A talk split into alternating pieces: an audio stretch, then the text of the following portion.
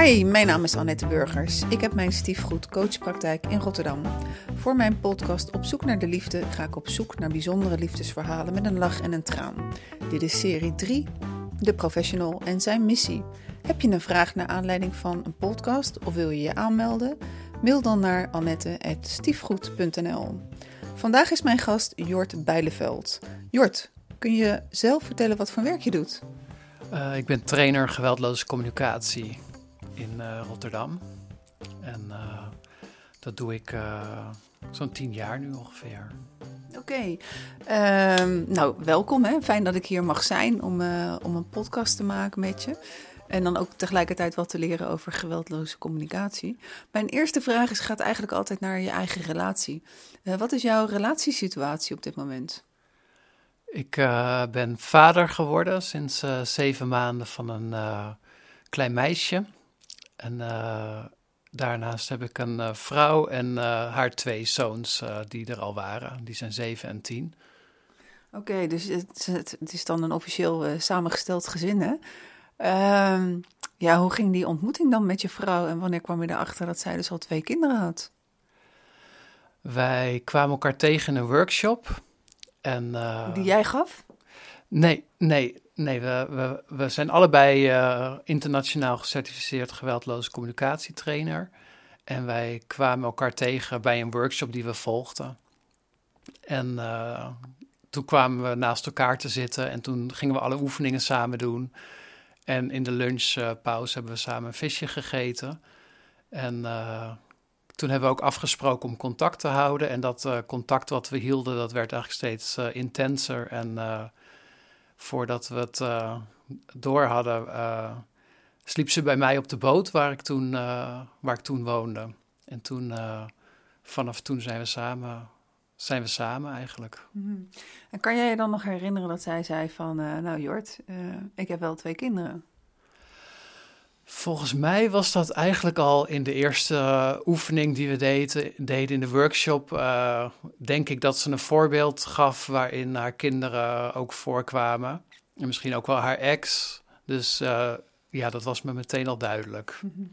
En wat vond je daarvan? Ehm nou, ik, ik herinner me dat ik ooit wel eens, nadat ik bij mijn ex was weggegaan, dat ik had gezegd van nou, als ik weer een relatie aanga, dan wil ik sowieso iemand die nog geen kinderen heeft. Daar was ik echt van overtuigd. En uh, daar heb ik ook erg mijn best voor gedaan om iemand te vinden. Zonder kinderen? Zonder kinderen.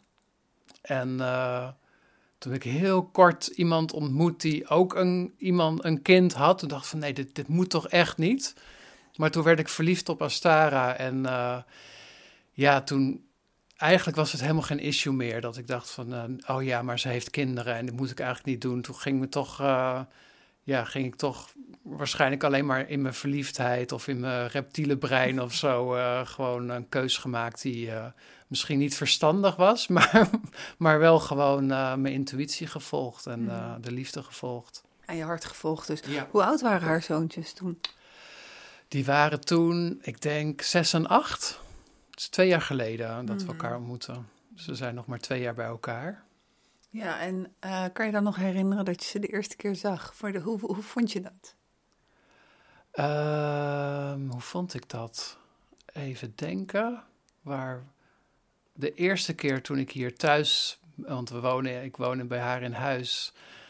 Uh, toen we hier kwamen, toen waren haar zoontjes er niet. Die waren bij hun vader. En de eerste keer. Ik moet even diep graven. Ik kan me even niet zo snel herinneren wanneer de eerste keer was. Uh, nou, dan is het waarschijnlijk is het uh, gewoon gladjes uh, verlopen. Ik denk het wel, ja. Ja, het is raar dat ik het me niet herinner. Ik herinner me dat we vrij snel een keer met z'n drieën naar de, of met z'n, even Vier. tellen, met z'n vieren, met z'n vieren naar de Efteling zijn geweest. En dat was een hele leuke dag waarin we, ja, gewoon echt met z'n vieren. En het voelde voor mij eigenlijk meteen als een soort van uh, gezin of kleine familie, uh, ja, waarmee we door de Efteling gingen. Dat was echt heel erg leuk.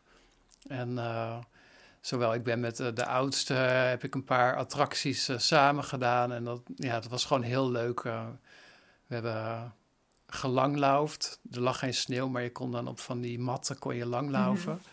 En ik vond het zo grappig, want hij liet zich na elke 10 meter vallen.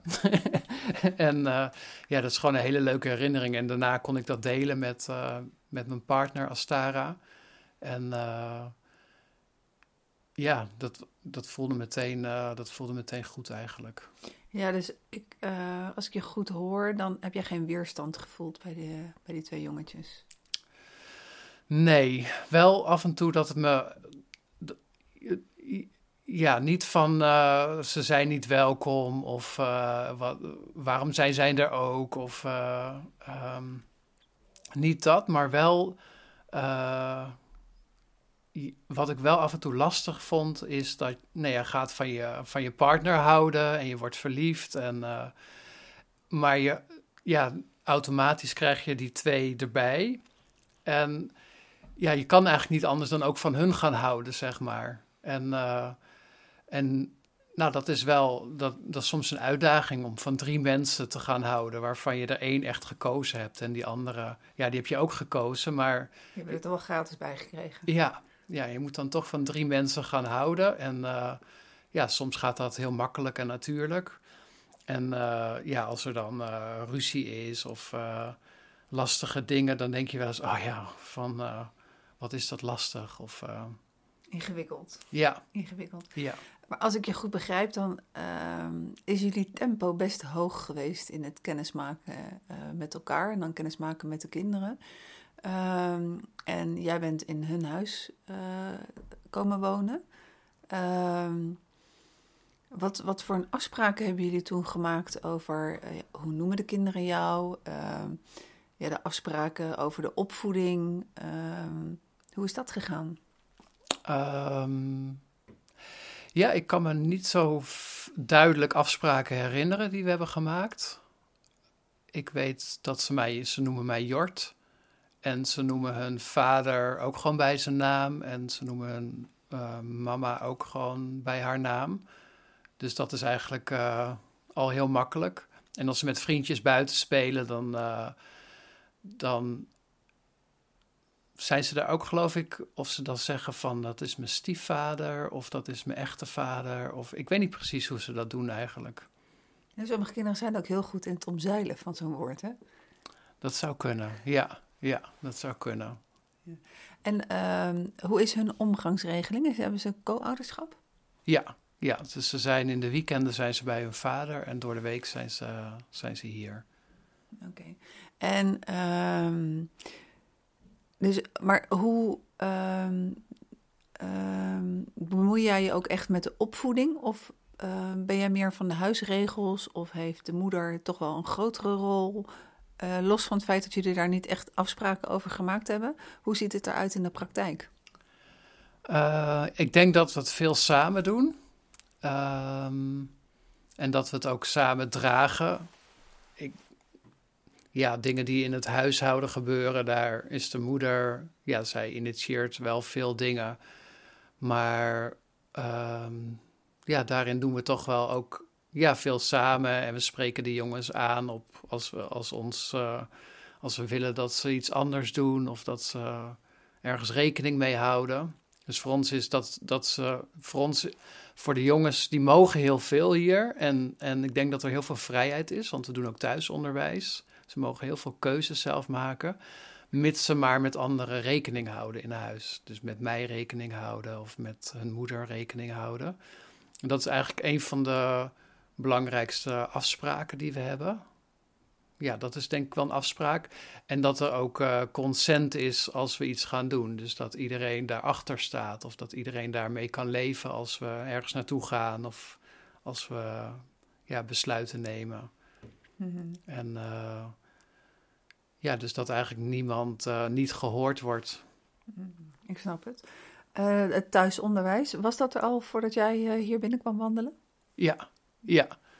Ja, en ik was er al bekend mee. Ik had al een keer workshops gegeven aan een groep thuisonderwijzers. En ik had een ex die ook thuisonderwijs deed. Dus op de een of andere manier was ik al in dat wereldje. Mhm. Kan je daar heel kort iets over vertellen? Hoe ziet dat eruit, thuisonderwijs?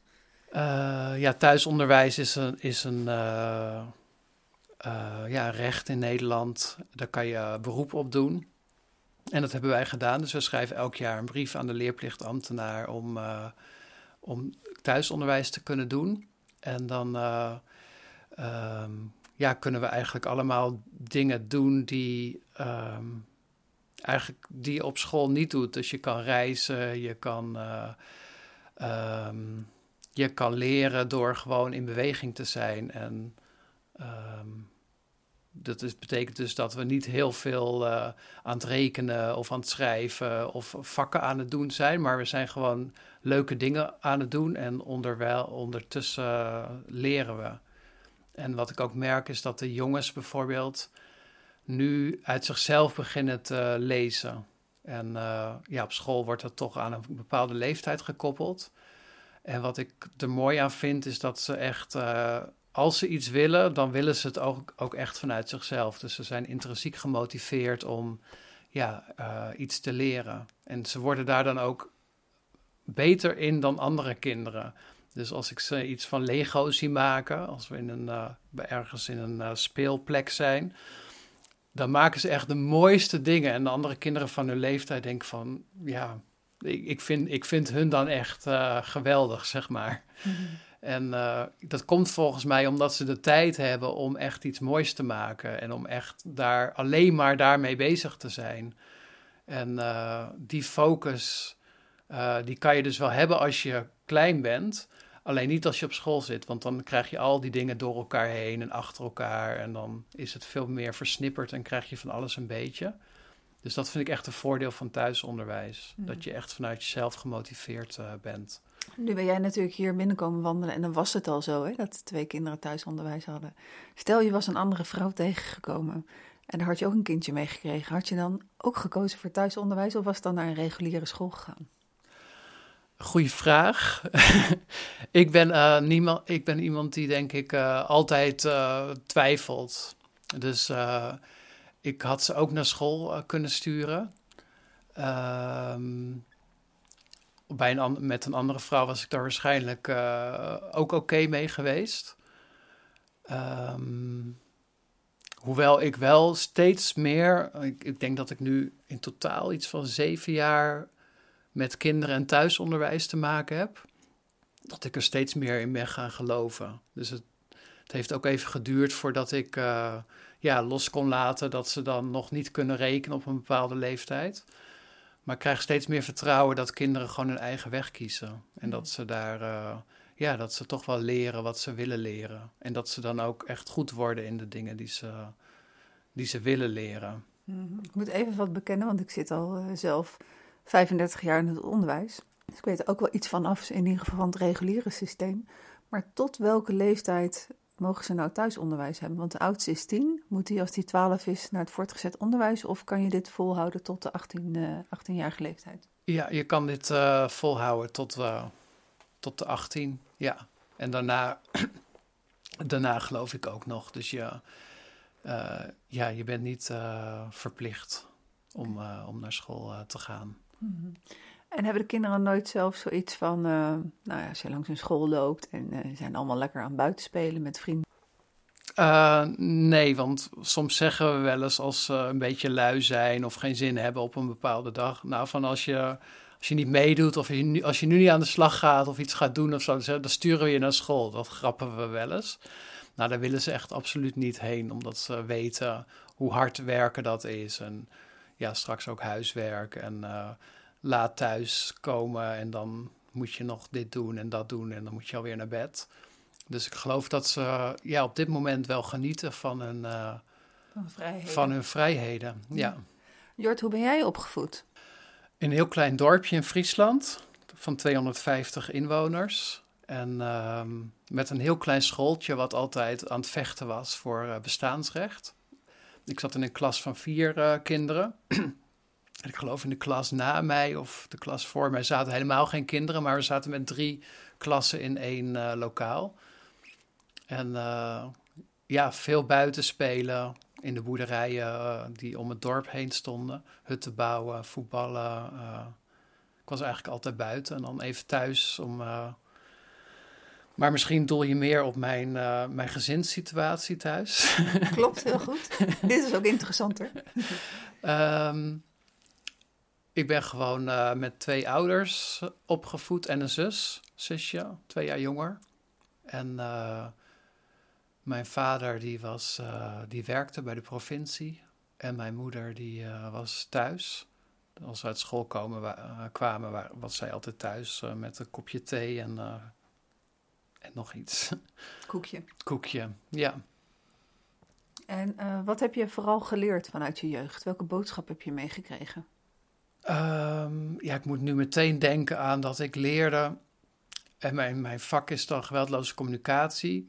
En ik had, uh, ik werd wel eens gepest op school. En mijn zusje werd ook wel eens gepest.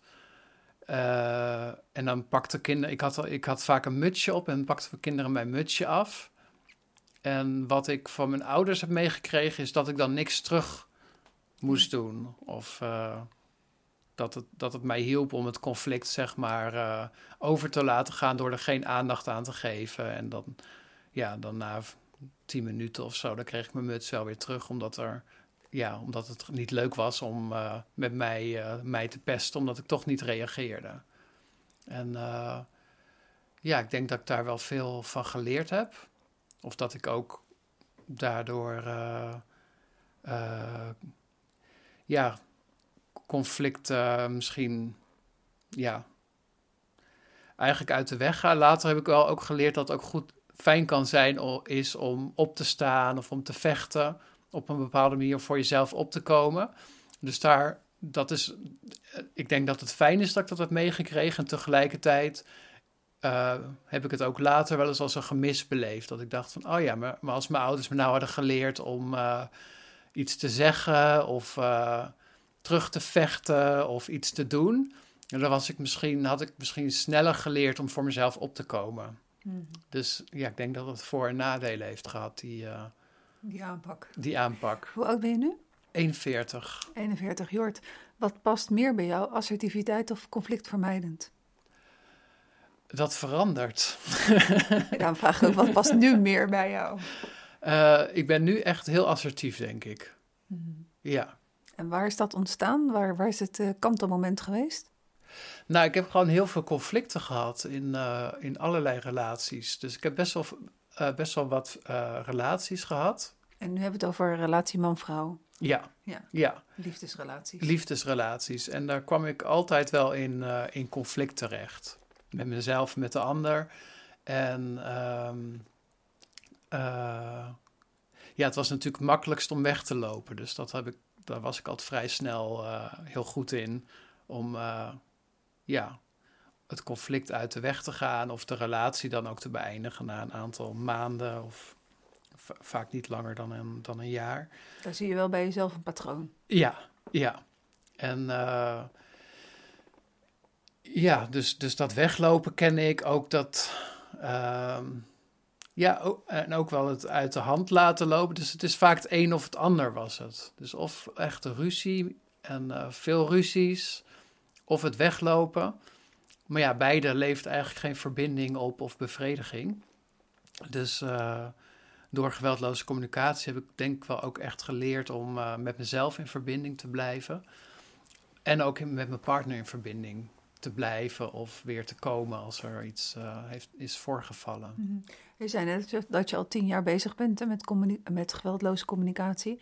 Wat was de aanleiding om, uh, om dit te gaan leren? Uh, ik weet eigenlijk niet, heb je een studie gevolgd of ben je je gaan verdiepen, ben je gaan lezen? Ik heb een internationaal certificeringstraject uh, gevolgd. Maar dat is niet helemaal hoe ik ben begonnen. Ik heb een workshop gevolgd en dat inspireerde me zo dat ik meteen na die workshop dacht van uh, dit is wat ik altijd heb willen doen met mensen. Ik had daar, daarvoor wel sociale vaardigheidstraining gegeven, maar ook wel uh, allerlei andere vakken en groepen gegeven en begeleid. Maar toen, ik, toen ik GC tegenkwam in die workshop, dacht ik van ah, dit is wat ik wil doen. Dit is wat echt ergens over gaat en wat, ja, wat, wat mensen verbindt, zeg maar.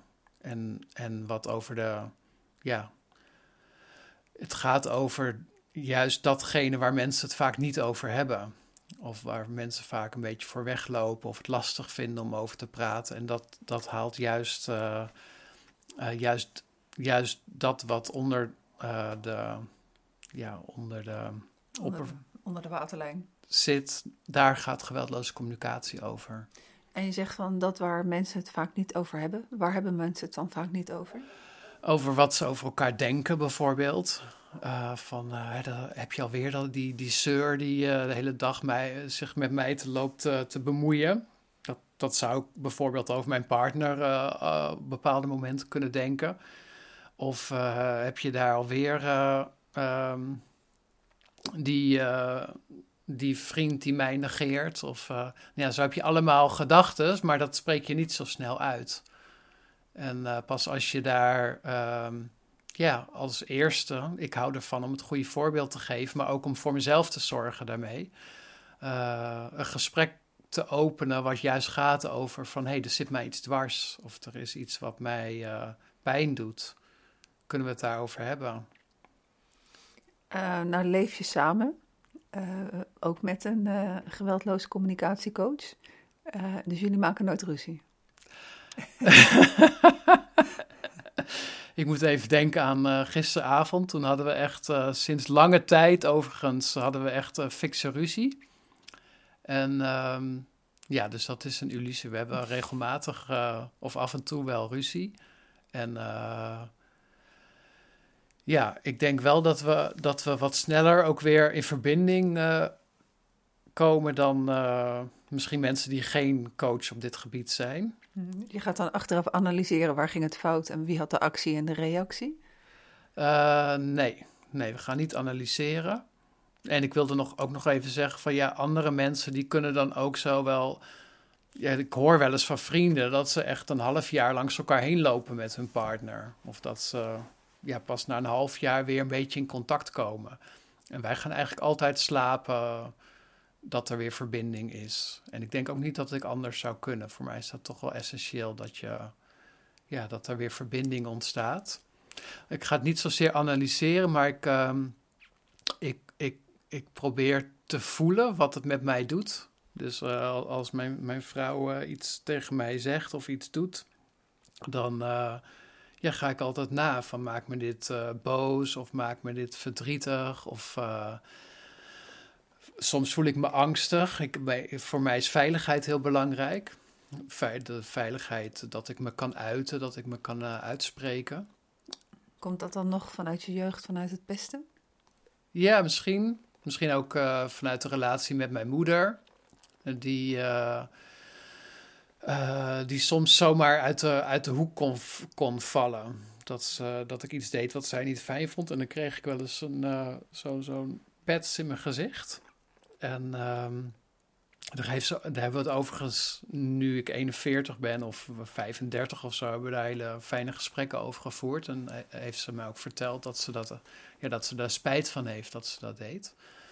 Maar ik denk wel dat daar die angstige reactie vandaan komt. Of die, die extreme, of in ieder geval belangrijke behoefte aan veiligheid voor mij. Dat ik me veilig kan voelen en dat ik... Uh, uh, ja, me kan uiten, zoals ik zei. Mm -hmm. En um, de, de, geweldloze communicatie, het is eigenlijk een soort van uh, stappenplan. Kan je kort vertellen wat het stappenplan is? Um, heel kort, het zijn vier stappen: waarneming, gevoel, behoefte, verzoek. En uh, naar aanleiding van eigenlijk elke situatie in je leven kan je die vier stappen toepassen om uh, helderheid te krijgen over een situatie. Het wordt vaak gebruikt met situaties die stressvol of, vervelend zijn. Maar je kan het ook toepassen op situaties die, ja, die juist plezierig of uh, ja, die plezierig zijn. Um, dus je krijgt helderheid, maar, je, maar het, het helpt mij voornamelijk ook om verbinding met mezelf in eerste instantie weer te gaan ervaren. want je kan zo weglopen van een situatie of uh, bozig zijn of verdrietig zijn, maar dan ga je Netflixen of dan ga je uh, afleiding zoeken of uh, drinken of allemaal dingen doen om maar, om maar niet te voelen. En die vier stappen helpen mij juist om, ja, om, om echt te voelen wat er, met me, wat er met me is, wat er in me leeft. En de stap die daarna komt is ook de behoefte. Dus om contact te maken met van hey, wat heb ik nou nodig in deze situatie? Heb ik behoefte aan veiligheid? Heb ik behoefte aan aanraking? Heb ik behoefte aan uh, begrip of gehoord worden? Of heb ik behoefte juist om uh, even alleen te zijn? Uh, heb ik behoefte aan samenwerking? Of mis ik, voor mij was het, ging het gisteren over dat ik afstemming miste. Um, dus als je contact maakt met, met je gevoelens, maar ook met, met belangrijke, voor jou belangrijke behoeften, dan is er weer verbinding. Mm Helder. Um, ergens zag ik ook, uh, toen ik je een beetje koekelde, uh, liefde is luisteren. Kan je hem afmaken? Ja, ja dat, eh, dat, ik ben nog steeds heel blij met deze titel. Want ik was al tien jaar op zoek naar een leuke titel voor, voor onze workshops. Of voor mijn workshops. Liefde is luisteren naar jezelf en liefde is luisteren naar de ander. En als je luistert naar jezelf, wat er in je leeft en welke gevoelens en welke behoeften er voor jou ja, in jouw leven, dan is er, dan is er zelfverbinding. En dan kan er ook uh, zelfcompassie ontstaan zonder oordelen, zonder in schuld of schaamte te schieten. Dat je denkt van ik ben niet goed genoeg of ik had het anders moeten doen of ligt het aan mij. En dat zijn van die gedachten die je dan kan hebben. Maar ook de andere kant kan het uitschieten dat je allerlei oordelen over je partner hebt. Dat je gaat denken van uh, waarom, uh, waarom valt ze mij nou weer lastig met, uh, met dit en... Um, of dat je nog bozer wordt en dat je denkt van ga uit mijn leven of ik wil je nooit meer zien of dat soort dingen. Mm. Ja, die, die liefde is luisteren naar jezelf, is weer verbinding maken met ja, welke gevoelens en behoeftes er leven en wat er echt belangrijk voor je is. En dan kom je erachter van, oh, ik mis samenwerking of, of ik mis, wat ik ook deze week zei tegen me, ik zou weer willen dat we weer samen gaan delen wat we een tijd terug deden we dat elke dag, dat we even deelden wat er, hoe het met ons ging. Nou, dat gaan we nu bijvoorbeeld weer doen. En uh, doordat ik nu bewust ben van die behoefte dat, ik, dat dat belangrijk voor mij is, dat is eigenlijk zuurstof voor mij om, om te kunnen leven, nou, dan gaan we dat weer doen. Mm-hmm. En liefde is luisteren naar de ander, is dat je ook de ander kan zien en niet alleen maar die oordelen die je hebt over de ander. Of dat je alleen maar oordelen over jezelf hoort die de ander over jou heeft. Maar dat je ook kan horen van hé, hey, welke behoefte zit hier nou bij de, bij de ander? Wat, wat zegt ze eigenlijk onder de oordelen die ze over mij heeft? Heeft ze ook behoefte aan samenwerking? Of wil ze ook gehoord worden? Of um, heeft ze behoefte aan, uh, aan rust en of aan ondersteuning? Ja, ik snap het, dankjewel. Um, ik zag vanochtend ook nog een filmpje Sorry, over sorry zeggen. Wanneer heb jij voor het laatst sorry gezegd? Um, ik denk vorige week. Toen hadden we ook even een, een ruzietje over iets. En toen... Um, ja, ik moet de situatie weer even naar boven. Ik, ik zeg vrij regelmatig sorry. En um, wat, wat er fijn aan is voor mij, is dat ik niet sorry zeg omdat ik fout ben, of omdat ik, dat er iets mis mee is, of omdat ik me schuldig voel. Maar sorry zeggen voor mij is echt van: hé, hey, ik, geef, ik geef om jou. En ik, en ik geef om wat er belangrijk is van jou, waar ik uh, over, overheen stapte, of een grens die ik bij jou overschreed. En um, um, ja, dan is, dan is sorry zeggen eigenlijk meer luisteren dan, uh, dan zeggen van ik zit fout. Hmm. Werkt het goed? Ja, dat werkt heel goed. Ja, hmm. het is niet zo makkelijk. Dus het, is, het was wel echt iets wat ik heb moeten leren. Om, ja, omdat je vaak soms zegt de ander van waarom zeg je geen sorry? En je wil geen sorry zeggen omdat het moet. Je wil geen sorry zeggen omdat je denkt dat dat zo hoort. Maar je wil sorry zeggen omdat je. ehm, tenminste, ik wil sorry zeggen omdat ik. Ja, ook wil weten wat, wat voor pijn het in de ander raakte. En als je daarop afstemt, als je luistert, eigenlijk in stilte luistert naar de ander. dan, ja, dan kan de ander zijn hart openen en die pijn uiten. En dan kan je sorry zeggen van, oh, als ik dat had geweten, dan had ik anders gereageerd. Of dan had ik eh, daar rekening mee gehouden. Ehm, de laatste vraag. Stel, we hebben het niet, hè, een ministerie van persoonlijke ontwikkeling. Stel, we hebben hem wel. En stel, jij wordt minister van het ministerie van persoonlijke ontwikkeling. Wat zou je veranderen in Nederland? Een leuke vraag. Eh, goh, ja, ik zou een heleboel veranderen. Eh, Oké, een heleboel. eh, maak een top drie. een top drie. Ik zou. eh ehm, één is, is dat ik, dat ik elke Nederlander een cursus luisteren zou willen gunnen. En ehm, ja, eigenlijk, eigenlijk dat. Eigenlijk gewoon één ding. Ik denk dat dat al heel veel is. Dus een cursus luisteren voor, voor iedereen, voor elke Nederlander, voor jong en oud. Eh, waarin eh, ja, mensen eh, in plaats van te uiten en in plaats van te reageren en in plaats van te zenden. Er wordt heel veel gezonden, ook via social media. Ik denk dat het zo fijn is als mensen eh, echt kunnen luisteren.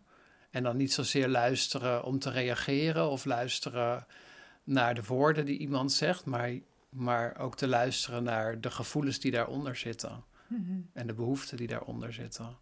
Dan eh, gaan mensen elkaar, denk ik, weer zien. Oké, dat is één. Je mag er echt nog twee. Nog twee. Oh, oké. Ehm, ehm, ik denk dat zelfcompassie eh, iets een heel mooi eh, goed is om dat eh, te leren. Ik, ik ben super blij en dankbaar dat ik. ik ben ook wel eens depressief geweest in het verleden. Dat ik, ja, dat ik weer contact kan maken met mezelf en wat belangrijk voor mezelf is. En als we zelfcompassie en dan nummer drie, compassie voor anderen. Ik denk als we dat als mensen eh, daar de, ervaren hoe dat is om, om ja, compassievol naar zichzelf te zijn, liefdevol naar zichzelf te zijn of naar een ander te zijn. Ja, dat zou ik ook fantastisch vinden. Dat, om daar eh, eh, cursussen in te geven. Als ik naar jou luister en eh, ik kom natuurlijk, wat ik net al zei, vanuit het onderwijs, dan denk ik, ja, dan moet gewoon echt het vak persoonlijke ontwikkeling op school komen, waarbij we een hele nieuwe generatie en generaties eh, dit mee kunnen geven. Ja, zeker weten. Een, stille droom van mij is ook wel geweest om bijvoorbeeld geweldloze communicatie op alle scholen te geven. Nou ben ik niet zo voor dingen verplichten, want dan verplichting levert meestal ook op dat mensen daar weerstand, eh, ja, dat roept ook altijd weerstand op. Maar mensen uitnodigen om hiermee kennis te maken en op alle scholen, ja, iets met persoonlijke ontwikkeling te doen, of mindfulness of geweldloze communicatie. Ja, ik denk dat dat, eh, Mooi streven is. eh, ja, ik denk dat dat fantastisch zou zijn. Ja. Nou, dan gun ik je die post, hè, als mini- minister van eh, persoonlijke ontwikkeling, want ik ben daar ook heel erg voor. Jort, welke vraag heb ik je niet gesteld, maar wil je wel graag antwoord op geven? Ehm, de vraag van eh, wat heb je vorig jaar. eh, nee, het jaar daarvoor. Was het vorig jaar of het jaar daarvoor? Wat heb je vorig jaar eh, rond begin juni gedaan? Jort, wat heb je vorig jaar rond begin juni gedaan? Toen heb ik de, de reis van mijn leven gemaakt. Toen ben ik met, met mijn samengestelde gezin. zijn, we, zijn we naar de Middellandse Zee gevaren. Met, eh, met eh, mijn bootje zijn we door alle Franse kanalen gegaan. Daar zijn we door 250 sluizen gegaan en zijn we ja, op de Middellandse Zee geëindigd. En hebben we daar gezeild en uh, bij de rotsen geankerd. En ja, dat was een soort van droom. En ja, een avontuur wat ik mezelf en maar ook de jongens van, van Astara en Astara wilde ja, cadeau wilde doen. En het was ook iets waarvan ik dacht van ja, als ik, als ik wacht tot ik 65 ben of als ik wacht als ik het geld heb, dan, uh, ja, dan komt het er misschien nooit van. Ik, ik dacht eerst van we, we gaan vijf jaar sparen, maar toen zeiden van nou we gaan toch dit jaar gaan we, gaan we op reis. En toen heb ik ja, de reis van mijn leven gemaakt. En uh, onderweg uh, hebben we een... Uh, hebben we ons babytje gemaakt ook. dus, uh, wow. dus dat was ook nog het cadeau wat we na de reis uh, kregen. Mm, ik wilde vragen, wat was het mooiste van de reis? Maar dat is dat, eigenlijk al gelijk beantwoord, toch? Ja, ja. ja. Wat was de, de mooiste ervaring? want je, je wilde dit graag. Dat, je had er een bepaald beeld bij, waardoor je het plan gemaakt hebt. Maar achteraf gezien, wat, wat, wat neem jij hiervan mee? Uh, dat het heel fijn is om te kunnen dromen. En, uh, en uh, ja, om te verlangen naar, naar iets, waar, een, bepaald beeld wat je hebt. Of het kan iets, ja, het kan alleen maar een beeld zijn, maar dat je dat dan ja, kan creëren. Daar geloof ik wel in. -hmm. En wat voor een impact heeft het gehad op die twee jongens? Nou, mijn droom was dat ze zich zo vrij zouden voelen dat ze gewoon uh, in het water zouden springen en uh, van de boot af zouden duiken. En uh, ik geloof dat ze daarvoor niet, zo, niet zoveel in buitenwater zwommen. En ja, die droom is uitgekomen. Dat ze gewoon ja, aan het spelen waren op de boot en in de mast zijn geklommen en in het water. Overal gewoon waar we het anker uitgooiden, sprongen ze overboord. Met een surfplankje hadden we mee. En uh, ja, voor mij was dat uh, ja, geweldig om te zien. En ook om daar gewoon helemaal in mee uh, samen, samen spelen, buiten zijn, vrijheid, mm -hmm. die dingen. Hoe lang heeft de reis geduurd? Twee maanden. Twee maanden.